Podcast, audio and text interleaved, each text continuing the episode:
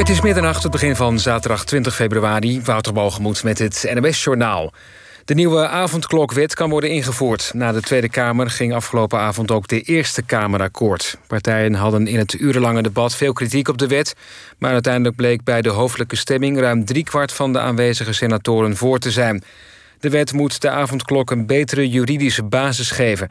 Hij was in alle haast opgesteld nadat de rechtbank dinsdag had geoordeeld... dat de huidige avondklokwet niet deugt en direct moest worden ingetrokken... Het hoge beroep in die zaak loopt nog. De uitspraak is over een week.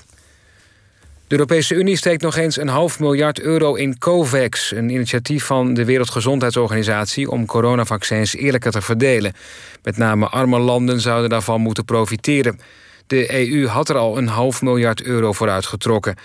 Duitsland steekt zelf nog eens anderhalf miljard euro in COVAX... en andere coronaprogramma's van de WHO. Ondanks de financiële bijdrages is er ook kritiek... omdat een klein aantal rijke landen verreweg de meeste vaccins krijgt. Realityster Kim Kardashian en rapper Kanye West gaan uit elkaar. Kardashian heeft volgens Amerikaanse media de scheidingsaanvraag ingediend. Daaruit zou blijken dat de twee na zeven jaar huwelijk niet met ruzie uit elkaar gaan.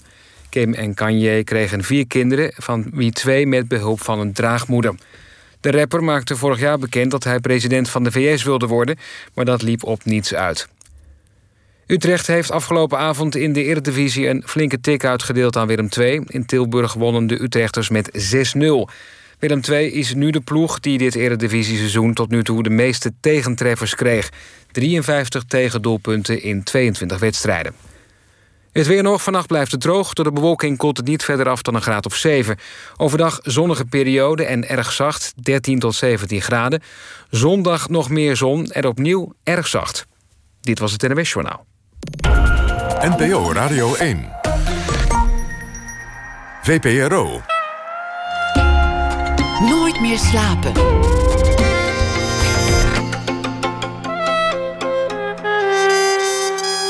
Met Lotje IJzermans. Welkom bij Nooit meer slapen. Post-apocalyptische werelden waarin een helse regen maandenlang de aarde gezelt. Of waarin de laatste overlevenden van een wereldbrand een tropisch eiland koloniseren. Dat waren het soort onderwerpen in de boeken die onze gast, de Vlaamse schrijver Roderick Six, tot nu toe schreef. Vloed, Val en Volt. Samen de V-trilogie. Maar nu is er een klein verhaal over het verlies van een geliefde. Niet de hele wereld, maar de wereld van één persoon stort in. De titel van het nieuwe boek is Monster. Nadat Veronique sterft door een verkeersongeluk, blijft haar echtgenoot ontredderd achter. Monster is het beest van de rouw en eenzaamheid waarin de achterblijver opgesloten zit en waaruit niets hem kan verlossen. Roderick Six is 41, komt uit het Vlaamse dorp Woesten, vlakbij Ieper, en woont momenteel in Gent. En daar werkt hij niet alleen aan zijn eigen oeuvre, maar recenseert hij ook buitenlandse literatuur voor het weekblad Knak. Welkom. Goedenavond. Leuk dat je er bent. Die arme man in uh, je boek Monster. De rouw is heel diep en iedereen die ooit iemand uh, van heel dichtbij verloren is, zal zich herkennen in zijn afschuwelijke gevoel. Ja, helaas. Um, het is een uh, personage waar iedereen zich helaas kan in inleven. Iedereen zal wel eens een verlies meegemaakt hebben. Iedereen zal wel eens een relatiebreuk gekend hebben waarbij de liefde eindigt omdat de geliefde vertrekt. Maar soms, af en toe, slaat de dood toe en dan uh, wordt de geliefde weggerukt terwijl je dat eigenlijk helemaal niet wilde. Nee. En dat was voor mij het uitgangspunt. Um, ik uh, stelde mij voor dat je in een gelukkige relatie bent, dat je um, verliefd bent, dat je de liefde kent, dat de zon schijnt. En de eerste angst die je met elke gelukkige relatie hebt, is stel dat het eindigt. Stel dat mijn geliefde weggerukt wordt. En dat was voor mij het vertrekpunt om aan Monster te beginnen. Kun je vertellen, het is een, een, een rouwverslag van de rouw. De mhm. eerste is met een A en de tweede is met een O. Het is een rouwverslag van de rouw. Um, wat overkomt hem? Als het boek begint, dan, dan wordt hij bijna wakker. En hij beseft plots dat zijn vrouw overleden is. Ze is waarschijnlijk al een paar dagen geleden overleden. Hij weet het niet meer zo goed, want die mokerslag heeft hem helemaal murm geslagen. En hij verzinkt in een grijze wereld. Um, mensen proberen hem te helpen, geliefden proberen hem bij te staan, hem, hem terug uit dat bed te lokken, uit die betonnen wereld te lokken. Maar hij lijkt daar niet toe in staat. Hij beseft bijna amper wat hem overkomt. En de enige focus die hij heeft is, is op die geliefde, op dat, dat gat in de wereld. En hij probeert dat terug te vullen. Hij probeert um, die geliefde terug uit de dood weg te halen, maar dat lukt nooit. Hij probeert dat op allerlei manieren. Hij probeert dat via seks, hij probeert dat via kunst, via alternatieve therapieën, maar... Uh, Ayahuasca, daar gaat hij eh, drinken, ja, of zoiets. Die thee waar je uh, hallucinaties van krijgt nadat je de hele boel hebt uh, ondergekotst. Ja, hij ondergaat zo'n uh, theeceremonie. Ja. Hij ziet dan effectief zijn geliefde, want dat is zijn oogmerk. En dat is ook een, een onderdeel van de titel, monster. Iemand monsteren is ook kijken naar iemand. Er wordt heel veel geobserveerd in dit boek. Hij, hij ziet die geliefde in een hallucinatie, wordt dan wakker uit die roes en moet opnieuw vaststaan dat, dat de hallucinatie niet gewerkt heeft. Dat het eigenlijk nog erger is geworden, dat ze een, een, een spook is dat van hem wegdrijft. En dat doet hem besluiten om, om een uh, heel gruwelijke onderneming te beginnen. Ja. Gaan we niet spoilen, hè? Nee. Nee. nee, uh, hij gaat verder in zijn rouw uh, dan gelukkig de meeste van ons. Mm -hmm. um, en hij is heel erg onthecht eigenlijk. Hij maakt helemaal geen verbinding meer. Er zijn nog wel mensen, maar hij laat ze niet meer toe. Zijn ouders zijn er en de vriendinnen van zijn, van zijn overleden geliefde. Maar hij heeft ook een soort van besloten: ik ben alleen nu. Hij is ook alleen. Als je rouwt, dan zeker de eerste dagen, eerste weken, leidt je aan een soort tunnelvisie. Um, alles om je heen is, is grijs, van steen, van beton. Alles, de, de alledaagse dingen die je normaal vrolijk maken, die je door de dag heen helpen, die, die komen hem als heel banaal over, als een verraad aan zijn overleden geliefde. En ik denk dat iedereen dat ook in de, zeker in de eerste dagen, als je een dergelijk verlies meemaakt, dat ook zo ervaart. Ja. Um, je ziet de zin niet meer van het leven als je je geliefde kwijtraakt. Dus ik begrijp, begrijp hem zeker wel, zeker in die eerste periode. Jij uh, beschrijft zijn proces, hè, want eigenlijk is dat het boek, van dat proces wat die man meemaakt. Dat beschrijf je heel erg vanuit de zintuigen. Hè? Mm -hmm. Dat is sowieso wel een beetje, ja, dat wil iedere schrijver natuurlijk, want je wil dat, dat de lezer voelt wat diegene meemaakt. Maar jij, jij schrijft echt over zijn smaak en zijn, zijn tast en zijn, wat zijn ogen zien en wat zijn oren. Het is heel zintuigelijk. Ja, maar rouw is ook zo. Um, dat verdriet is een lichamelijke aanslag.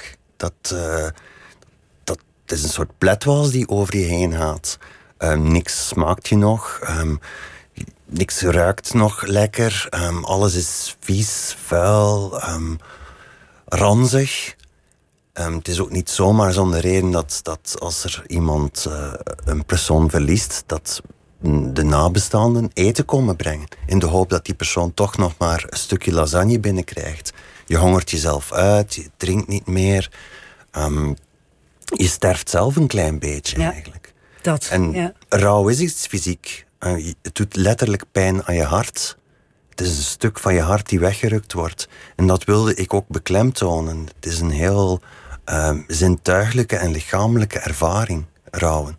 Zeker de eerste dagen is dat ja, je wil erbij gaan neerliggen. Je wil zelf bijna in dat graf gaan liggen. En je denkt van, dit is zinloos. Dit, uh, dit leven boeit mij niet meer. Nee.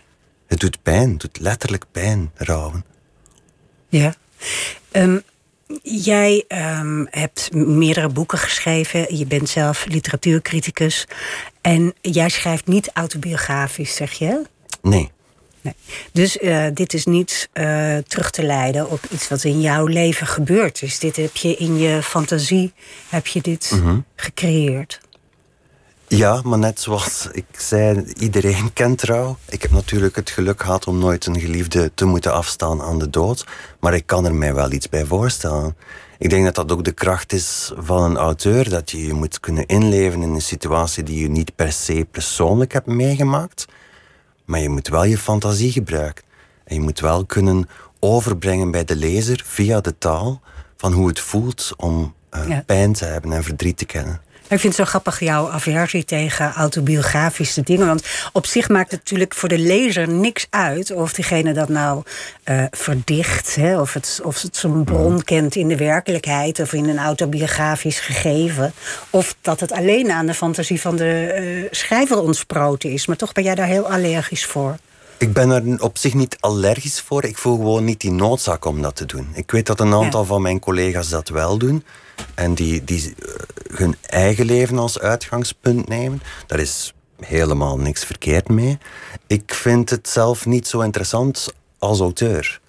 Ik beschouw mijn eigen leven niet als dermate boeiend dat ik eh, lezers daarmee ga lastigvallen in de ik-vorm van moet je eens weten wat ik vandaag heb meegemaakt en wat ik daarover allemaal denk en wat ik daarover te zeggen heb.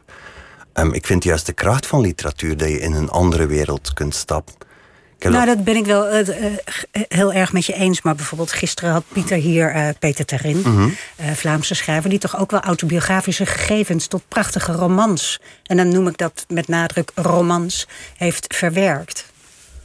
Het is natuurlijk nooit zo één op één. Nee, het is zelden één op één. Zelfs al schrijf je autobiografisch, zelfs dan nog is het nooit één op één.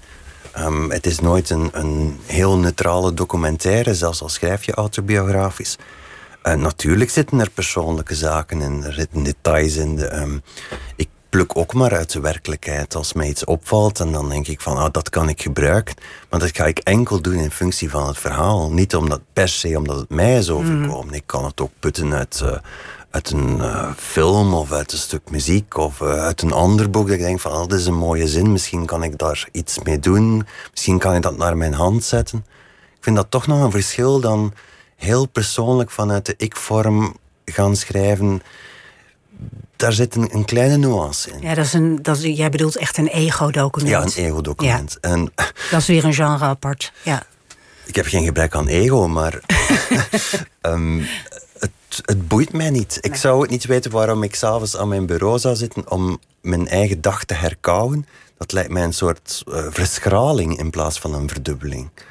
Ik heb liever in een andere wereld te stappen en te kijken van hoe kan ik ehm, de indrukken die ik vandaag heb opgedaan gebruiken en misschien zelfs misbruiken om een, een nieuw leven te creëren. Ja, tot nu toe heb je dat heel erg gedaan. Hè? Mhm. In die drie boeken die ik net noemde, de V-trilogie, eh, Vloed, Volt en Val. Mhm. Eh, daarin heb je echt hele andere werelden gecreëerd, die, die ook niet meer lijken op onze wereld. Dat is nog maar de vraag of ze niet lijken op onze wereld. Ehm, mijn debuut Vloed speelt zich af tijdens een soort eh, apocalypse waarin het niet ophoudt te regenen. Ehm, het water stijgt, vier studenten zitten vast op een dak en de vraag is hoe gaan die dat overleven? Ehm, hoe gaan die voedsel vinden? Gaan die met elkaar overeenkomen in plaats van elkaar de kop in te slaan? Ehm, je kunt moeilijk zeggen, gezien- de huidige klimaatcrisis, dat eh, Vloed geen actuele of geen reële roman zou zijn. Op het moment dat hij uitkwam, ehm, werd hij nog niet als klimaatroman bestempeld. 2012 was dat, hè? 2012, dat is toch best al een tijd geleden. Ja. Toen was er sprake van de Kyoto-akkoorden. Toen was er algemeen een neiging om te zeggen van ja, dat klimaat, daar moeten we toch eens een beetje naar beginnen kijken. Die, die problematiek is veel urgenter geworden de laatste jaren. En onlangs werd mijn roman terug opgevist en bestempeld als een van de eerste Vlaamse, Nederlandse klimaatromans. Ehm, dan is het enerzijds leuk dat je een visionair werk hebt gemaakt. Anderzijds denk ik van ja, hadden we maar eerder gereageerd. Hadden we maar sneller tot drastischer beslissingen gekomen. Dus ik kan niet zeggen dat, dat de, rom, de V-trilogie, de, de romans die zich afspelen, zowel tijdens de klimaatcrisis als ehm, de laatste Volt speelt zich af op een exotisch eiland waar een neoliberale elite zich heeft teruggetrokken. Ja, dat is eigenlijk een lockdown-roman avant la lettre. Ja, ja. ja, inderdaad, zo kun je het bekijken. Dus zover is dat niet van de wereld. Ik denk dat je als auteur heb je de luxe om ehm, zo weinig mogelijk te doen. Ehm, als je kunt leven van je werk, en eh, ik heb, ben daar heel dankbaar voor, eh, die luxe, dan kun je he- heel veel niks doen. Maar dan sta je ook heel veel open, en dan sta je antennes open, en dan kun je de kleine signaaltjes uit de wereld oppik, zonder dat dat bewust is. Maar ik merk wel dat dat dan binnensluipt in mijn werk. En dat ik dan toch wel iets vertel over de maatschappij waar we nu in leven. In de wereld die nu, zich nu afspeelt. Ook al maak was- ik het exotisch. Het was niet de insteek van de boeken, Nee, toch? dat Nee. mag nooit. Anders heb, als je de neiging hebt om nu ga ik eh, iets over racisme schrijven, Dan wordt het een soort manifest of dan zo. wordt het pamfletair. Ja. En ehm, niet gelaagd. Het, het verhaal moet op de eerste plaats komen, de taal moet op de tweede, derde, vierde plaats komen, want taal is heel belangrijk bij mij. Ehm, maar je mag nooit het idee hebben van dit moet het onderwerp zijn en nu ga ik eens geforceerd in die richting schrijven. Ehm, over taal gesproken. Je hebt een, eh, een, een, eh, een werk van jouw overleden vriend Thomas Blandot. Die eh, Mhm. was boekendokter. Hè? Die raadde voor iedere kwaal een bepaald boek aan. Mhm. Tegenwoordig wordt dat wel vaker gedaan, maar hij was het echt de eerste. Ehm, en daarin schrijf jij, want jij hebt dat boek voor hem afgemaakt en samengebonden. Daarin schrijf jij: Dood is waar de taal faalt. Ehm, dat was misschien toen voor jou nu. Mhm. Maar nu heb je met dat boek Monster, wat over de rouw gaat, heb je wel degelijk die taal benut om het gevoel van eh, de dood voor deze hoofdpersoon te beschrijven. Ja, en dat specifieke zinnetje komt opnieuw voort eh, in Monster. Dood is waar de taal valt. Dat gaat, dat gaat over het zwijgen, het, het, het eindeloze zwijgen, het laatste punt van de zin die iemand nog kan uitspreken. En ik heb die taal ehm, in Monster is eh, beknopter, gebalder Ja. dan in eh, de vorige drie V-boeken. Iets kaler, hè? Ja, gebeiteld. Ehm, bijna als, alsof je een naam in een grafsteen, grafsteen beitelt. Ehm, ik denk dat dat ook toepasselijk was. In de V-trilogie mocht het al bloemrijker zijn. Het, wa- het waren ook grotere verhalen. Ehm, ik durfde al eens een zin van een eh, paar pagina's neers, neerschrijven Nee, of een echt? hallucinatie. Echt van een paar pagina's? Ja, er zitten er een paar tussen. Ik heb ze, de pagina's niet geteld, maar er zitten best wel lange zinnen in. Ja. Ehm, hier heb je heel korte, eh nijdige zinnetjes. En dat komt voort uit, eh, uit de rouw van het hoofdpersonage. Als je rouwt, dan, dan ben je ook kortademig. Dan, dan voel je je een beetje op je hart getrapt. Ehm, alles kost je moeite. En dat wilde ik ook hebben in die, in die taal van dat hoofdpersonage. Die met een heel nauwe blik naar de werkelijkheid kijkt. Maar heel kleine stukjes informatie tegelijk kan laten binnenkomen. Maar dat dan wel zo maximaal benut. Want er staan wel heel. ehm, ondanks de korte zinnen staan er wel heel rijke beschrijvingen in. Zeker. Het, het komt bijna geslepen als een diamant binnen in je, in je hoofd. Waar is dit boek mee begonnen? Je zei net van de gedachte hè, Mhm. dat, dat, dat je iemand van wie je, op wie je vreselijk gek bent, van wie je vreselijk veel houdt, dat die wegvalt. Hè. Die kennen we allemaal. Alle ouders hebben dat over hun kinderen, alle, alle geliefden hebben dat van elkaar. Maar waarmee begon dit boek voor jou? Met die openingsscène. Een man die wakker wordt in zijn bed. Ik vond de openingsregel ook heel erg mooi. Ehm, hij deed me denken aan een boek van Marcellus Eemans van heel lang geleden. Maar jij schrijft: Vandaag is mijn vrouw overleden. Of misschien gisteren, ik weet het niet meer. Ik ben dronken. Ik vond dat heel mooi. Ach, dankjewel. Mooi begin. Ehm, ja, ook met die eerste zinnen. Ik denk Daar dat- begon je boek Ja. mee. Als je dat soort zinnetjes te pakken hebt, dan, dan begin ik daaraan te pulken in mijn hoofd. En denk ik van, oké, hoe gaat dit verder? De meeste boeken schrijf ik ook van, van A tot Z. De eerste pagina's die je als lezer te zien krijgt, zijn ook mijn eerste pagina's. Oh, je bedoelt chronologisch. Chronologisch. Zoals wij het lezen, heb Zoals- jij het ja. geschreven. Zoals u het leest, zo heb ik het geschreven. Dat komt niet zoveel voor, toch? Nee, en dat vergt een beetje ehm, vergt een inspanning. Want je moet dat hele boek eigenlijk in je hoofd hebben voordat je het schrijft en tegelijk ook niet. Ehm, Vertel even hoe je werkt. Want eh, je, je begint, bent dus met deze zin die ik net Mhm. voorlas, ben je begonnen. ja, ik schrijf dus ook met de hand. Echt? Ja, alle romans heb ik met de hand geschreven. Een paar keer waarschijnlijk. Dan gezien ik een Ik paar zie je wel helemaal achter een bureau zitten met een ganzenveer. Echt waar, joh? Eh, ja, maar wel met een vulpen. Ja, ja, ik snap het. Ja. Zo ver gaan we niet terug in de tijd. Eh, nee, ik schrijf met een, met een pen, met de hand. Omdat ik... ehm, ik werk overal heel de dag met computers en laptops. En eh, Omdat je dan recensies schrijft voor Knap? ja, bijvoorbeeld. Of eh, columns of een tekst voor, Mhm. voor de krant. En ehm, Dat doe je wel op de computer? Dat doe ik tuurlijk wel op de computer, ja. Anders moet ik mijn teksten opsturen naar de redactie en moet er een secretaresse dat overtekenen. Dat lijkt me niet meer van deze tijd. Um, ik schrijf met de hand omdat mijn, dat is een soort breuklijn in mijn dag. En ik vind uh, de rust en de traagheid van met een pen te schrijven op uh, papier, um, dat komt mijn zinnen te goede, denk ik. En ik heb dus. Ik begin pas als een, aan een roman als ik een paar goede openingsscènes heb. Als ik een paar openingszinnen heb waarmee ik verder kan. Die mezelf intrigeren, waar ik zelf wil achterhalen van wie is die man, waar gaat dat naartoe, wat kan er van het gevolg zijn. En als schrijvende ontdek ik eigenlijk waar het verhaal over gaat.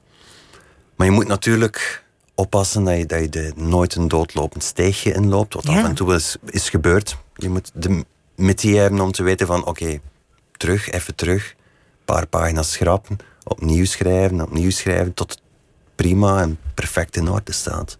Dus het is bij jou ook bijna een fysieke eh, zoektocht? Ja, het is ook een heel. Um, ja, het is een lastige bezigheid eigenlijk. Um, een paar uur met de hand schrijven, uh, voor mensen die dat niet meer gewoon zijn, dat is best uh, inspannend. Ja. ja, maar dat niet alleen. Maar je weet dus ook niet van tevoren helemaal. Um, en ik denk dat heel veel schrijvers die weten gewoon wat het einde mm -hmm. is, waar ze naartoe gaan. Dat vind ik soms gevaarlijk. Ik, ik benijd die schrijvers die vooraf een schema kunnen uitdokteren en zeggen van kijk, in hoofdstuk 10 zal, dat gebeuren en de plotwending komt daar. En dan op uh, hoofdstuk 5 in die alinea komt er een nieuw personage. Um, dat benijd ik. Anderzijds denk ik van, ik vind het zelf ook veel spannender. Want ik balanceer altijd op het slappe koord. Ik weet zelfs niet of er een koord is als ik verder wandel. Dus um, dat houdt het voor mij heel boeiend. En ik wil zelf ook achterhalen van waar, waar gaat dit verhaal naartoe? Wat zal er met die man gebeuren? Natuurlijk denk ik vooruit, want het is niet zo dat ik uh, aan mijn bureau kom en denk van wat zal de volgende zin zijn. Op de achtergrond in mijn hoofd draait altijd dat motortje dat, dat nieuwe flarden en nieuwe beelden uh, genereert. Um, schrijven is vooral niks doen en nadenken en op de, op de sofa liggen en uh, mijmeren. En notitieboekjes? Nooit. Nooit. Ik, ik, heb er, uh, ik krijg er altijd en ik heb er altijd eentje bij, maar ik gebruik het nooit. Ik, heb, ik ben het afgeleerd omdat ik denk van als het niet de moeite is om het te onthouden, als ik zelfs niet eens de moeite kan doen om dat ene zinnetje te onthouden, dan zal het niet belangrijk genoeg geweest zijn om het op te schrijven.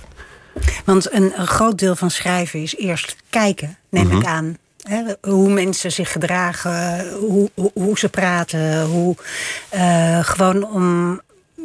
Jij werkt toch altijd uh, vanuit de psychologie van je karakters. Dat vind ik een moeilijke vraag. Ik denk dat ik vanuit de taal werk. Um, ik heb een aantal beelden in mijn hoofd. En dan wil ik die zo precies mogelijk in taal krijgen. Dat is niet één op één beschrijven van wat ik in mijn hoofd zie dat is de taal plooien naar dat beeld. Zodat het uh, bij de lezer hetzelfde gevoel opwekt als het beeld dat ik in mijn hoofd heb. Um, daarom zijn, probeer ik mijn zinnen zo goed mogelijk te maken. Ze moeten effect resorteren. Uh, ze hoeven niet per se te beschrijven wat ik zie. Ze moeten zorgen dat bij jou dat beeld opwekt van walging of van uh, liefde of van vlinders in je buik of al die zintuigelijke waarnemingen die je heel scherp ervaart, moet jij bijna ook ervaren fysiek door de taal. Ja, dus taal is bij jou niet alleen maar een vehikel, maar het is ook eigenlijk echt een doel op zichzelf bij het schrijven van een boek. Het is je enige middel die je hebt. Dus het moet goed zijn, het moet juist zijn. En je kunt best veel met de taal. Je kunt iemand misselijk maken met de juiste zin. Ja, weet het. um, um, dit boek is eigenlijk al heel lang geleden mm -hmm. uh, voor een deel geschreven hè, door jou. Eigenlijk voordat je je eerste boek publiceerde, lag dit manuscript lachen al. De oerversie lag, lag klaar eigenlijk. Ja. ja. Die heb ik geschreven voor Vloed. Um, ik achtte het toen nog niet rijp om met zo'n heel dunne roman te debuteren. de urgentie van Vloed was ook dringender ik voelde ja, dat dat, is de, wat nu een klimaatroman ja, is. Hè? Ja. Klimaatroman ja. klopte harder aan de deur. En uh, die heb ik uitgewerkt. Um, Vloed deed het best goed. Ehm, daarna kwam een ander beeld in mij op van een man die alleen in een blokhut zit te binnen van de Canadese wouden. En toen dacht ik van dat moet ik eerst uitwerken. En daarna, na een val, dacht ik van ja, maar ik ben nog niet helemaal klaar met die thematiek van het menselijk kwaad. En dan moet ik eerst nog Volt schrijven. En ik wilde niet dat dat monster daar kwam tussen fietsen. Al, die jaren lag dat netjes in een schuif. Um, vorig jaar, tijdens de eerste lockdown, heb ik samen met een aantal literaire vrienden, um, à la Elia Pfeiffer en uh, Michel Faber, een literair tijdschrift opgericht, Viralen, dat je digitaal nog altijd kunt raadplegen en kopen. En toen dacht ik van, ik ga als hoofdredacteur natuurlijk mezelf niet vergeten. En uh, ik ga een stuk van Monster publiceren. Het eerste hoofdstuk in zijn ruwe versie en we zien wel. Een literair tijdschrift is een leuke speeltuin om gewoon mhm. eens te zien wat er gebeurt. En twee dagen later kreeg ik telefoon van mijn uh, uh, redacteur, Job Lisman, bij Prometheus. Van, heb je nog meer liggen? En toen dacht ik, ja, ja, tuurlijk heb ik nog meer liggen. En heb ik dat oermanuscript terug boven gehaald. Daar is heel kritisch naar gekeken, een aantal jeugdzonden geschrapt. Dat waren er um, niet... Wat, te, wat waren de ergste jeugdzonden in dat, um, in dat ehm, script? Uh, soms nog te beeldend schrijven. Soms nog te, te, te, veel willen uitleggen waar het over gaat. Ik heb eigenlijk meer hmm. geschrapt dan bijgeschreven. Um, je leert ook met metier door de jaren heen van wat werkt, wat werkt niet. Ja. het schrappen was het leukste deel. En ik heb ook heel veel mensen laten lezen van werkt dit nog? Uh, zie jij euvels? Mijn vriendin heeft de redactie opgedaan. die ook zei van, ja, dit is overbodig. Uh, tussen deze twee scènes hoeft er geen uitleg meer. Laat dat maar gewoon van scène naar scène springen. En ehm, ik ben heel tevreden met het resultaat. Het is, het is een heel gebeitelde roman geworden. Maar ik vind het wel een, een leuke ja, wissel eigenlijk. ja. het is een, een, een, een, breuk met je eerdere werk. Een breuk is misschien een groot woord, maar ik vind het een mooie, mooi sprongetje. Oké, wat jij wil, sprongetje. ik uh, zeg even voor de luisteraar die net uh, inschakelt... dat we praten met Roderick Six. Uh, van zijn hand verscheen net het boek Monster. En daar hebben we het eigenlijk nu over gehad, zo'n beetje. Ik wil even terug naar ehm, Woesten. Ik had mhm. er nog nooit uh, van gehoord, maar ik vind het een prachtige naam om daar uh, opgegroeid te zijn. Uh, West-Vlaanderen, vlakbij Ypres. Ik denk dan gelijk aan de Eerste Wereldoorlog en, en, en zo'n heel droevig landschap. Maar dat is vast gekleurd door de historie en door de films. Maar als je daarin opgroeit, zie je dat natuurlijk niet meer. Maar onlangs mocht ik voor de morgen vorig jaar hadden ze mij de opdracht gegeven van keer eens terug naar je geboortestreek. En um, dan valt dat plots wel op. Als je met de trein uh, richting Ieper-Poperingen rijdt, dan zie je in dat licht heuvelachtige landschap zie je overal die witte grafsteentjes. Die militaire graaf. En het viel mij plots weer op van hoeveel er zijn. Hoeveel duizenden en duizenden soldaten daar in de modder gesneuveld zijn voor onze vrijheid, of misschien ook voor een heel absurde oorlog, waar, waarvan niemand eigenlijk nog goed weet waarover het ging. Wat er gewonnen en verloren is. Vooral veel levens verloren, denk ik dan, zowel bij de geallieerden als bij de Duitsers. Um, het stemt mij altijd melancholisch een beetje om terug te keren. Want je hebt echt het gevoel dat je op een, op een kerkhof wandelt, gelijk waar je stapt. Je ouders wonen die nog in Woest? Ja, die wonen daar nog. En die hebben dat gevoel natuurlijk helemaal niet, want die zijn niet weg geweest. Voor, als kind is dat ook heel normaal dat je in bunkers speelt. Je weet ook als kind dat je moet opletten, dat je, uh, dat je moet opletten voor munitie. Er liggen overal obussen, zoals ze heten, oude bommen, liggen gewoon een halve meter onder het oppervlakte. Als er huizen worden gebouwd of velden worden omgeploegd, dan wordt, komt al dat oud ijzer terug naar boven. En om de zoveel jaar ontploft er nog eens iets. Om de zoveel jaar verliest de landbouwer nog eens een been of een stuk arm. Munitie die 100 jaar oud is, is daarom niet per se vervallen. En was het niet uh, verhalen over je grootouders of je overgrootouders die dan daar. Daar werd hij niet zo over gesproken. De Grote Oorlog was eigenlijk um, geen taboe, maar iets wat mensen wilden vergeten. Ja. Mijn, mijn opa is bijvoorbeeld krijgsgevangene geweest in een Duits kamp. hij is in Duitsland bij. Dat is de Tweede Wereldoorlog. Nee, de, eerste, uh, de Tweede Wereldoorlog, ja. ja. Um, daar werd niet over gesproken. de, de gruwel van zo'n werkkamp, dat werd niet bovengehaald. Die mensen kwamen terug van uh, na de bevrijding. Ja. Kwamen ze terug in een dorp en het eerste wat ze deden was een huis terug opbouwen, een leven terug oprapen, hun kinderen op de wereld zetten en voor je het weet, daar werd niet over gepraat. Uit wat voor gezin kom je? Heel warm gezin. Ik heb een, een, een fantastische ouders. Um, ik heb een heel lieve zus die drie jaar jonger is, die daar ook nog altijd in de streek woont. Um, een, een, een, modelgezin. Wat maakte het fantastisch? Want ik bedoel, jij, jij zegt dat echt gelijk uit de grond van je hart. Fantastisch. En je ogen beginnen gelijk te glimmen. Wat was er zo geweldig aan jullie gezin? Eén of twee? De liefde en de warmte. Liefde. Um, de vanzelfsprekendheid van die liefde ook. Um, het is pas veel later dat ik ontdekt heb dat dat niet normaal is. Dat er heel veel mensen zijn opgegroeid in, in dysfunctionele gezinnen of, of uh, problemen hebben met hun ouders of met hun broers of zussen. Um, dat was voor mij absoluut niet aan de orde. Ik heb een heel idyllische jeugd gehad. Oh, en, en wanneer is dan de literatuur in je leven gekomen? Of, of boeken, of lezen, of wat het ook was?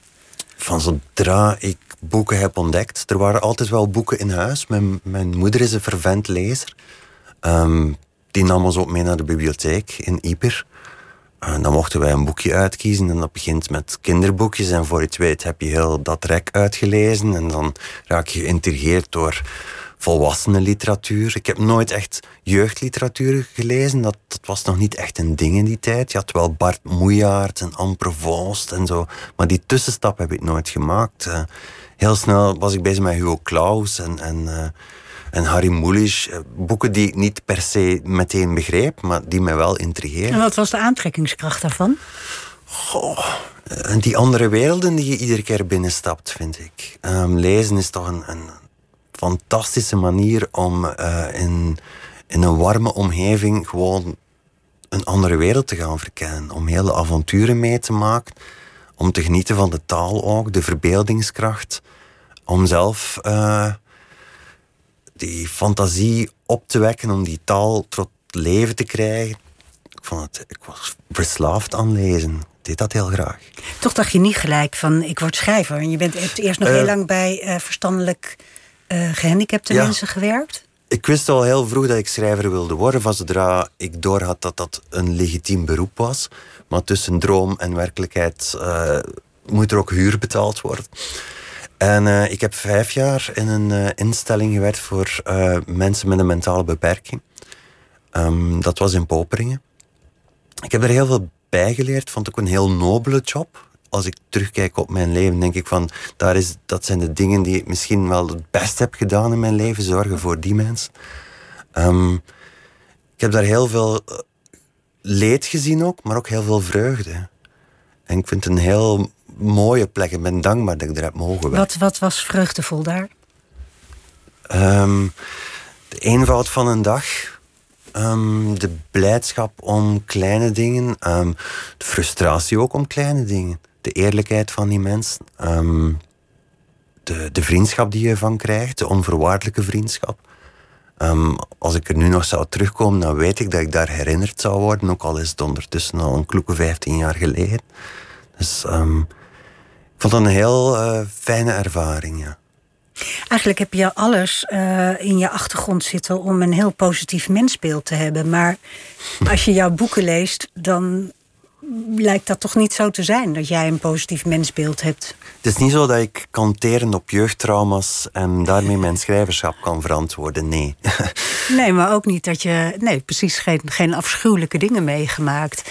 En um, ja, je zei daar straks van de werelden die ik beschrijf zijn helemaal niet zo heel ver weg. Mhm. Maar het zijn best wel akelige werelden. Maar de wereld kan ook heel akelig zijn. Misschien is het omdat ik heel goed besef hoe, hoe, gelukkig ik ben, dat ik ook heel goed besef hoe snel het kan gedaan zijn en hoe, hoe geprivilegeerd ik ben. Ik heb nu maar het geluk dat ik hier in een heel uh, westerse wereld ben geboren met uh, sociale zekerheid en, en, en fantastische ouders die mij alle kansen hebben gegeven. Maar statistisch is dat eigenlijk een, een uitzondering. Behoor ik tot de 5% de gelukkigen die dat mm -hmm. hebben mogen doen. Ik ben me daar terdege van bewust.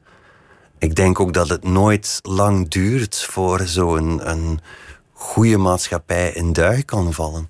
je merkt nu al met, met wat ons overkomen is vorig jaar. één klein virus en, en alles staat op losse schroef. Plots is er paniek, plots werken een aantal zaken niet meer.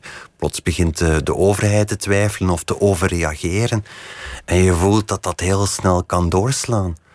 Um, maakt mij bijvoorbeeld heel veel zorgen over onze privacy. Dat is een ding waar ik, uh, ja, ik bijt me daarin vast. Ik zie dat dat altijd stapje per stapje wordt, worden onze grondrechten aangetast. En dit soort crisissen, zoals de coronacrisis, maar ook de terreurdreiging die we gekend hebben, wordt altijd een beetje misbruikt om zoveel mogelijk van onze privacy weg te knappelen. En het is heel moeilijk om die terug te krijgen.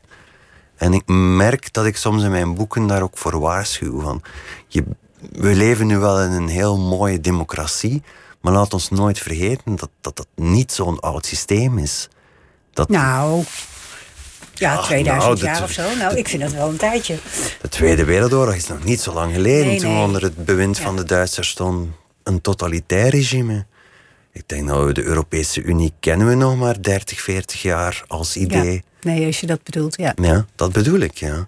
Ik denk dat het ook heel snel terug kan omslaan. Als je kijkt naar Polen, dan, dan zie je toch ook dat de, de staat begint in te grijpen in de media, censuur begint op te dringen. Dat is ook een Europese lidstaat.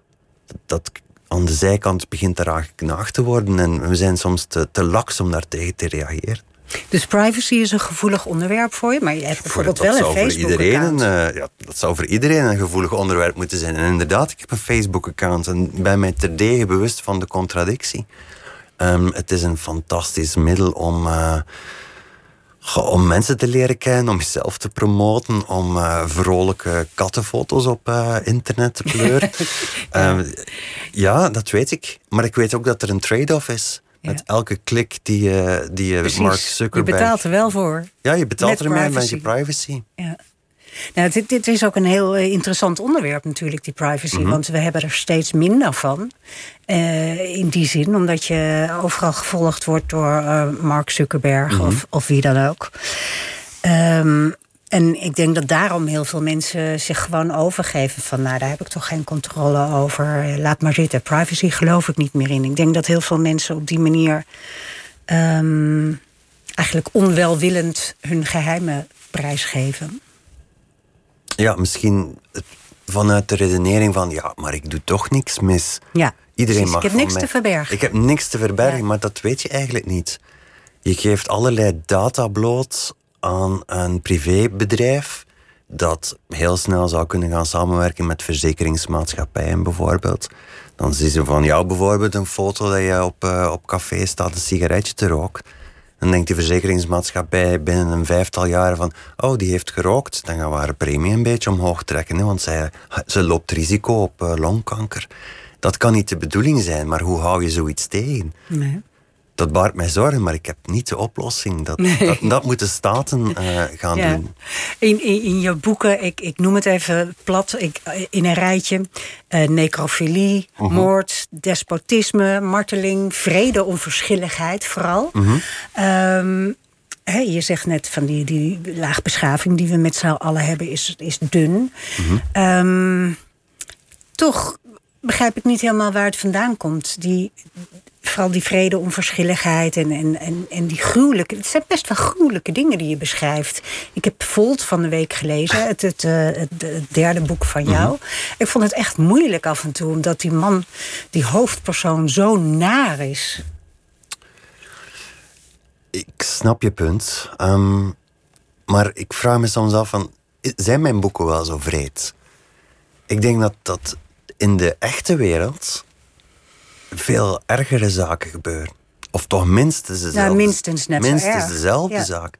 Hij is gebaseerd op wat de Stasi heeft gedaan, op wat het nazisme heeft gedaan, op wat wij als kolonialisme, wat wij daar allemaal uitgespookt hebben in Afrika, België in Congo bijvoorbeeld. Daar kon je een hand verliezen omdat je niet uh, snel genoeg uh, in de mijn werkte. Dat is allemaal niet zo lang geleden. Dat gebeurt nu nog. Maar zijn dat het soort dingen waar jij ehm, het, het vandaan haalt, zeg maar? Want op zich eh, ben je geneigd, eh, als je met een schrijver praat... om te denken dat die donkerte die, die in jouw boeken zit... dat die ook in die man zit. Nou, als ik zo tegenover jou zit en eh, de geweldige jeugd... en een, een fijn leven, dan zie je dat niet zo direct... waar die donkerte vandaan komt. Dus haal je het daar vandaan uit, uit de geschiedenis en de wetenschap... en Ja, de maatschappij. ik denk dat je niet ver hoeft te kijken om dat soort duisternis te zien. Je hebt, iedereen heeft die duisternis in zich. Ehm, ik heb misschien ook wat te Behalve veel... Rutger Bregman. Bijvoorbeeld, maar hij is dan een, een, een optimist. Ja, dat is wel fijn. Af en toe. Een Dat is wel optimist. fijn en, en, Ja. en ik geef hem grotendeels gelijk. Statistisch gezien doen we het als mensensoort niet zo slecht. Maar het loopt ook heel snel heel fout af en toe. Ehm, die duisternis kent iedereen. Ehm, het is niet zo moeilijk om je bijvoorbeeld in het hoofdpersonage van Monster te verplaatsen. Nee, Als je, als je rouwt, dan, dan ben je niet meer rationeel. Ehm, er zijn, iedereen die gelukkig is, kan in een vingerknip ongelukkig worden. ja. Het- ik denk dat het de taak is als kunstenaar om, om die duisternis te verkennen. Om in jezelf te kijken en te zeggen van wie ben ik nu? Wie zijn wij als soort? Eh, hoe gedragen wij ons? Wat zijn de factoren die ons over de grens kunnen duwen? En ik denk, als ik eerlijk ben met mezelf, moest iemand mijn vriendin iets aandoen, dan, dan ga ik ook door het lint. Dan sta ik niet meer in voor mezelf. En het vergt weinig fantasie om, eh, om dat te beseffen. ja. Waarschijnlijk heb ik ook veel te veel Nietzsche en Schopenhauer gelezen. Dat, heeft waarschijnlijk ook niet geholpen. Maar ehm, ik denk niet... Ik, ik ben inderdaad... Ik ben blij dat je het zegt. ehm, best wel een vrolijk en gelukkig mens. Ehm, ik hou van dit leven. Ik vind het fantastisch. Misschien daarom ook dat ik ook net die duisternis wil verkennen. Of misschien is die, zijn die boeken een, een uitlaatklep en kan ik alle duistere gedachten daar parkeren, zodat ik mijn eigen leven eh, ten volle kan eh, leven. Ja? Misschien. Ik, ik eh, gruw een beetje van de psychologisch, het psychologisch idee van ja, een schrijver of een kunstenaar legt zijn ziel in zijn werk en dat, is, dat werkt therapeutisch. Ja, ja, maar dat is te makkelijk. Dat is inderdaad. Maar simpel. het is wel zo dat ik het niet verzin, al die gruwelijkheden. En jij wel. Dus ik ben benieuwd wa- wat dat is in jou, wat dat kan en wat dat wil. Ik denk dat dat het logisch gevolg is van nadenken. Dus ik denk niet na. Nou, dat lijkt me nou ook weer niet Ja, dat, dat wil ik je natuurlijk ook niet aanwrijven. Maar een zeker pessimisme en realisme Ja. is me niet vreemd. Nee, Nee. oké, dat daar ga ik mee akkoord. Ja. Ehm, ik heb misschien wel een iets wat donkere kijk op de mensheid. Maar dat maakt mij daarom nog geen sikkeneurig persoon. Nee, nee, nee, nee, nee. We hebben het ook over je boeken. Hè? Veel dieren in je boeken en veel natuur. Vooral de natuur in al zijn eh, vreedheid eh, en in al zijn overweldigendheid. eh, in- jouw boeken. Bijna een personage eigenlijk. Ja, zeker in de V-trilogie is de natuur altijd een, een extra personage geweest. Bijna als een levende entiteit die zich bemoeit met, met de mensheid. Hou je van de natuur? Is het Ja. iets wat, wat, wat een rol speelt in je leven? Ze sp- speelt vooral een rol in mijn boek. Ik ben wel gefascineerd door de natuur en onze verhouding als mens tegenover de natuur. Ik vind het een, een, een dubbele verhouding. Enerzijds beschouwen wij onszelf als heersers over de aarde. Anderzijds zijn we eigenlijk ook gewoon onderdeel van dat gigantisch organisme. En ik ben nog altijd op zoek naar die dualiteit. Ik, wil nog altijd, ik kan nog, nog geen kant kiezen van zijn wij nu superieur aan, aan de rest van de wereld? Of zijn wij gewoon een, een glitch in the system? Is ons bewustzijn en, en alles waar wij zoveel eer uit halen, eh, onze kennis en onze kunst, gewoon een, een, ja, een foutje van de evolutieleer, van iets wat nooit had mogen gebeuren. Het is tegelijk bijzonder dat we bewustzijn hebben, en anderzijds doen we er ook niet zo interessant veel mee. We kunnen wel kijken naar de wereld, we begrijpen de wereld ook best wel goed. Eh, Ik ben bijvoorbeeld heel gefascineerd door de oorsprong van het heelal. Eigenlijk is het fantastisch dat wij gewoon vanuit onze stoel naar de begintijd kunnen kijken. daar val je van achterover als je erover nadenkt. Tegelijk slagen we er niet in om een uh, maatschappij draaiend te houden waar, waar geen armoede is. Verbaast me dan ook weer. Um, enerzijds snappen we dat we onderdeel zijn van de natuur. Anderzijds willen we ons gedrag niet aanpassen en blijven we maar bomen kappen en mijnen ontginnen en olie boven pompen. Um, dat gaat er bij mij niet in. Ik ben nog altijd, er nog altijd niet uit van hoe we ons verhouden tegenover de natuur. En die natuur komt vaak voor in mijn boek. En jij zelf, jij, jij persoonlijk, doe jij allerlei ecologisch verantwoorde dingen? Ik probeer mijn best te doen. Anderzijds moet ik toegeven dat ik ehm, behalve mijn afval sorteren, geen, ik heb ook geen auto, dus ik probeer zoveel mogelijk met openbaar vervoer te gaan. Maar ik denk dat het klimaatprobleem op zich een probleem is van de staat of van de overheden. Um, je kunt wel zeggen, ik ga nooit meer vliegen. Maar ik snap ook dat de verleiding heel groot is als je voor de prijs van twee pizza's naar uh, het zuiden van Spanje kunt vliegen tegelijk is het ook een mirakel dat je dat kunt. We kunnen iets wat vogels kunnen, daar, daar droomde Icarus al van. En plots kunnen we dat voor, ja, ik het, voor twee tientjes. Um, ik denk dat de staat daar moet ingrijpen. Dat je een groter, uh, een groter compromis moet sluiten over landsgrenzen heen. En gezamenlijk als mensheid moet beslissen van wat gaan we nu doen.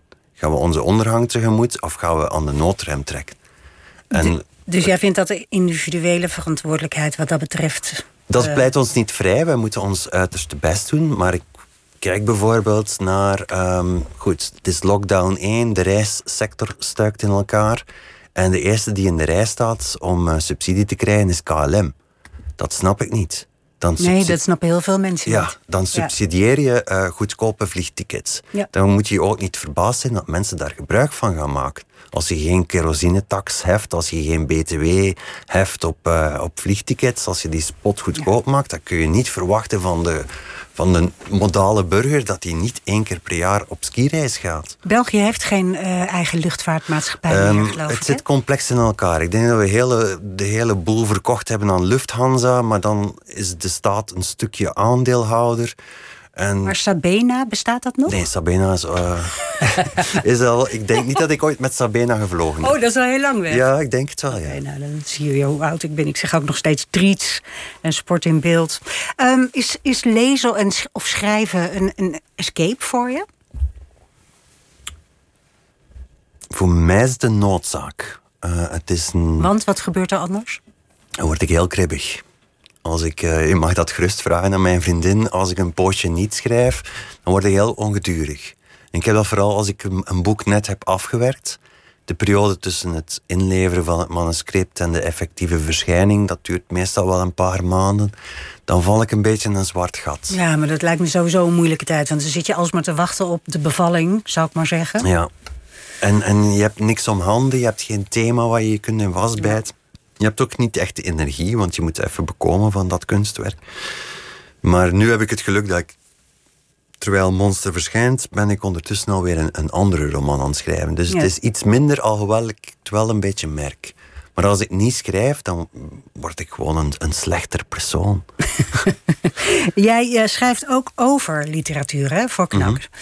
uh, hoe is het om Um, je doet vanzelfsprekend geen Nederlandstalige mm literatuur, want anders zit je je collega's te beoordelen, wat mhm. natuurlijk heel moeilijk is. Um, maar je hebt wel een, een, een, uh, een set regels waarop jij een boek beoordeelt. Of niet? Je hebt ehm, criteria. je hebt altijd criteria. Of ik die expliciet kan maken is moeilijk. Maar um, het uitgangspunt is bij mij altijd van... Um, is de auteur geslaagd in zijn opzet? Waarover gaat dit boek? Wat wil de auteur mij vertellen? En gebruikt hij de juiste middelen om mij mee te trekken in zijn verhaal, om mij te doen nadenken over zijn personages? Geloof ik hem of haar? Um, is het geslaagd? Is de opzet geslaagd?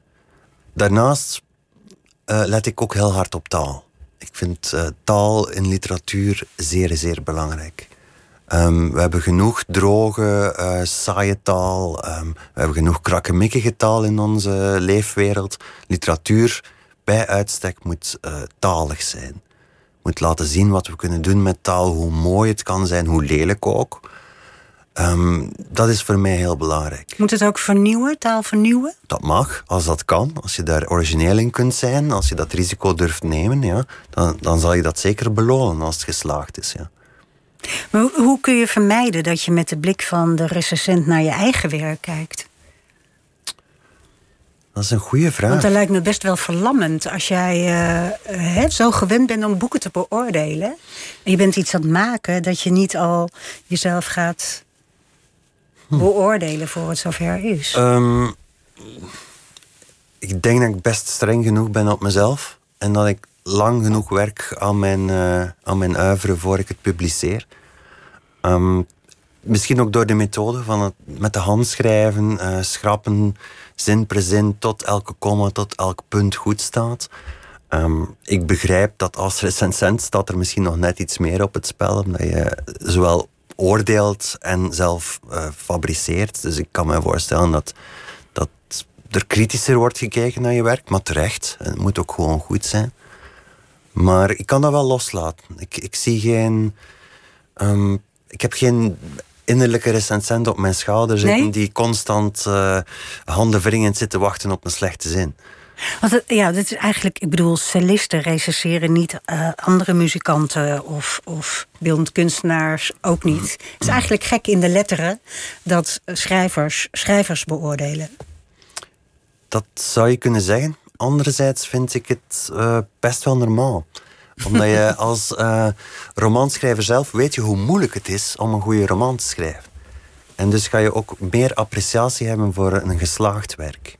Dat en taal is nog een democratischer gegeven dan muziek of beeldende kunst. Ja. Um, omdat iedereen kan praten. En iedereen, ja. ja. dat zou je denken, maar het analfabetisme is best groot, of groter dan je vreest.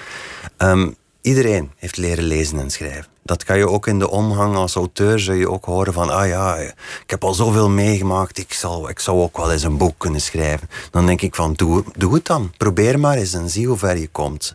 Kijk maar eens of je twee, drie jaar wil spenderen aan één verhaal, hoe boeiend het ook op dit moment lijkt. Dat democratische gehalte zorgt ervoor dat mensen heel snel het idee hebben van, ja, maar dat kan ik ook, een boek schrijven. Terwijl als je zegt van, uh, als we kijken naar een beeldende kunst, dat ze heel snel zouden zeggen van ik kan niet tekenen of ik kan niet schilderen of um, ja, maar die, die persoon kan viool spelen, dat zou, dat, dat zou ik nooit inslagen. Omdat ze niet begrijpen dat, um, net zoals bij, uh, je moet leren viool spelen, maar je moet ook leren schrijven. Het is niet omdat je een, een tekst kunt schrijven of kunt communiceren via je werk, dat je uh, een kunstwerk kunt maken vanuit taal dat vraagt evenveel metier als iemand die tien jaar op de kunstacademie zit. Of wat is het moeilijkste wat jij hebt moeten leren van het, van het schrijven, over het schrijven? Um, uh, beheersing. Niet te veel willen zeggen. Um, voldoende zeggen dat het beeld wordt opgeroepen, maar het niet plat, uh, niet, het niet plat schrijven geen scène volledig plat schrijven. Dat vond ik heel moeilijk. Ja, want uh, als je uh, sommige van jouw boeken leest, dan moet je echt als lezer wel een beetje zelf je best doen uh -huh.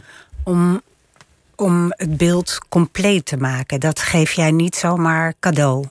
Nee, dat eis ik wel van de lezer, ja. Um, ik vind literatuur als lezer eis ik dat je ook meewerkt aan het boek dat, dat is normaal. Als je, als je naar uh, een kunsttentoonstelling gaat, word je ook geacht van na te denken over de rotko die aan de muur hangt. Wat doet dat met jou? Wat zou de kunstenaar daarmee willen zeggen? Dat, bij literatuur is dat net hetzelfde. Ik verwacht een inspanning. Die inspanning beloon ik ook. Dat, daar sta ik voor garant. Of je krijgt je geld terug. Um, Pas op wat je belooft. Ja, misschien. um, Nee, ik verwacht wel dat de lezer enige inspanning levert. En um, ik vind dat ook maar normaal. Net zoals uh, uh, dat je dat bij elke andere kunstvorm doet. Je leert ook bijvoorbeeld naar klassieke muziek luisteren. Iedereen vindt het normaal dat je een aantal jaren achter de kiezen moet hebben om een uh, kunstwerk te begrijpen of een uh, toneelstuk te gronden te, te bevatten. Als lezer moet je ook een aantal uivers achter de kiezen hebben voordat je het volgende kunt appreciëren, denk ik. Ja, want je bent als recensent niet echt uit op boeken met een, met een plot en een strik eromheen van eh, nu is alles duidelijk en alles is opgelost als een soort thriller. Dat jij houdt wel van geheimen en on, onaf. Ja, ik hou wel van Een rafel. soort on, onafheid. Ja, ik hou wel van een rafelrand, ja. Ehm, ik heb een beetje een digoe gekregen van ehm, romans die op thrillers beginnen lijken. Waarin ze in het laatste hoofdstuk alle lijntjes, eh, alle plotlijntjes netjes met een strik, zoals jij zegt, eh, samenbinden. En dat je dan een heel afgewerkt verhaal krijgt. Ehm, ten eerste, ik vind dat saai als auteur, want dan, dan zou alles heel helder zijn. En ten tweede vind ik dat dat niet volledig correspondeert met de werkelijkheid. Je hebt altijd onaf rafels in je leven, je hebt doodlopende straatjes. Ehm, dat, dat moet ook in een boek zitten. Ik vind dat. eh, ik, er zit zeker plot in mijn boek, maar je moet het wel zelf gaan ontdekken. Je moet wel eventjes door die taal heen, heen spartelen en dan zul je beloond worden met, met eh, die geheimen die af en toe worden blootgegeven, soms zelfs maar in een kleine bijzin. Maar je moet wel aandachtig zijn. Em, mm, eh, literatuur mag niet makkelijk zijn. Literatuur is nooit gemakkelijk, anders is het geen literatuur. Ehm, zelfs het meest eenvoudige literaire verhaal is gelaagd. Eh, daar zit meer achter dan, dan één op één verhaal. Dat is waarschijnlijk voor mij het verschil tussen bijvoorbeeld een thriller of lectuur Ja. of een vakantieboek dat je leest. Ehm, nee, literatuur is altijd gelaagd. Heeft altijd net iets meer geheimen dat je kunt ontdekken dan bijvoorbeeld in een thriller. Dat, dat, dat snap ik. Dat, dat is zeg maar de definitie, definitie van literatuur. Maar ehm, ehm, weet ik veel, Herman Koch eh, wordt ook onder de literatuur eh, eh, neergezet. Door sommige, niet door jou, dat zie ik al aan je Ja. ogen, maar door, door veel mensen wel. En die maakt toch heel erg eh, kant-en-klare verhalen, zeg maar, die heel erg eh, plot, plot-driven zijn. Maar dat vind jij dus. Ehm, Ehm, ik heb een aantal boeken van Herman Koch gelezen. Ik vind dat best aangenaam. Ehm, blijven ze me bij? Dagen ze me uit? Ik vind het heel ontspannend om te lezen. Het is vakwerk. Het is eh, zeer professioneel gedaan. Het is verslavend goed geschreven. Maar ik zou niet kunnen zeggen dat eh, het uiveren van Koch mijn leven heeft veranderd. nee. Of mij geraakt heeft. Wie wel? Wie- Wiens, wiens oeuvre heeft jouw leven veranderd? En, en denk je van, nou, dat moet echt iedereen lezen. Oh, eh, persoonlijk, eh, Albert Camus heeft, eh, heeft mij heel diep geraakt. Ehm Georges Perec was bijvoorbeeld ook zo'n taalkunstenaar die mij heel hard heeft Die ken ik niet. Wie is dat? Oh, dat is een, een Franse ehm, auteur die eh, taal als een wiskundig spelletje benaderde. En, en heel originele taalconstructies eh, opbouwde. En daar toch nog daarmee met die heel experimentele literatuur, zoals het heet, heel boeiende verhalen kon brengen. Een, een speelvogel van de taal die liet zien van kijk, dit kun je allemaal doen met taal. Een soort knutselaar. Ja, de- de- hoe meer ik met jou praat, hoe meer ik denk dat jij eh, dit doet vanwege de taal. Dat je grote liefde Mhm. eigenlijk de taal is. Meer nog dan het maken van een verhaal. Je kunt beide niet loskoppelen. Ehm, van, zo- van zodra je een woord verandert in een zin, verandert je verhaal. Ik zou niet weten hoe je het anders een verhaal opbouwt. Doe je de, de, de moleculen van een verhaal Ja, zijn de woorden. Zijn de- dus als ik een andere kleur gebruik in een zin, dan, dan krijg jij als lezer ook een ander beeld. Dus verandert het verhaal. Ik snap wat je, wat je punt is van je hebt een overheersend verhaal, want dit is het plot. Dit eh, drijft de ja, personages. dat is wat ik bedoel. Maar zelfs al ehm, verander je één kleine bijzin, en soms gebeurt dat, dat ik een, een bijzin schrijf vanuit het onderbewuste bijna, dat het verhaal ook verandert. En mij leidt van, kijk, dit personage moet nu plots daarheen. Ook al dacht je van, hm, misschien moet dat gebeuren. Nee. De taal dwingt mij in de richting van het verhaal. En ik zie geen verschil tussen plot en taal. Nee, nee, dat is natuurlijk ook niet, want het is Mhm. samen één werk. Dat snap ik ook wel. Maar ik, ik had meer een soort gevoelsmatige benadering van eh, hoe jij erin staat. Maar dat was mijn visie. wat is de functie van literatuur nu? Wat de functie is van literatuur? Ja, wat, wat, wat heeft, wat, waarom moet iedereen nog steeds lezen? Ehm, wat is de functie van kunst? Moet kunst functie hebben? Ehm, nou, heeft kunst nog een functie? Je merkt toch dat iedereen daar nood aan heeft. En je zag het opnieuw met de lockdown. Ehm, plots werd kunst weer heel belangrijk. Plots ging iedereen thuis naar liveconcerten ja. kijken. Plots uh, bestormden ze de boekhandels, dachten ze van eindelijk hebben we tijd. Plots begon iedereen uh, het jammer te vinden dat er geen concerten meer waren. Dus je merkt dat in tijden van crisis dat iedereen teruggrijpt naar kunst. En literatuur is kunst. Dankjewel Roderick Six. Heel fijn dat je hier was. Graag gedaan. Het nieuws van alle kanten.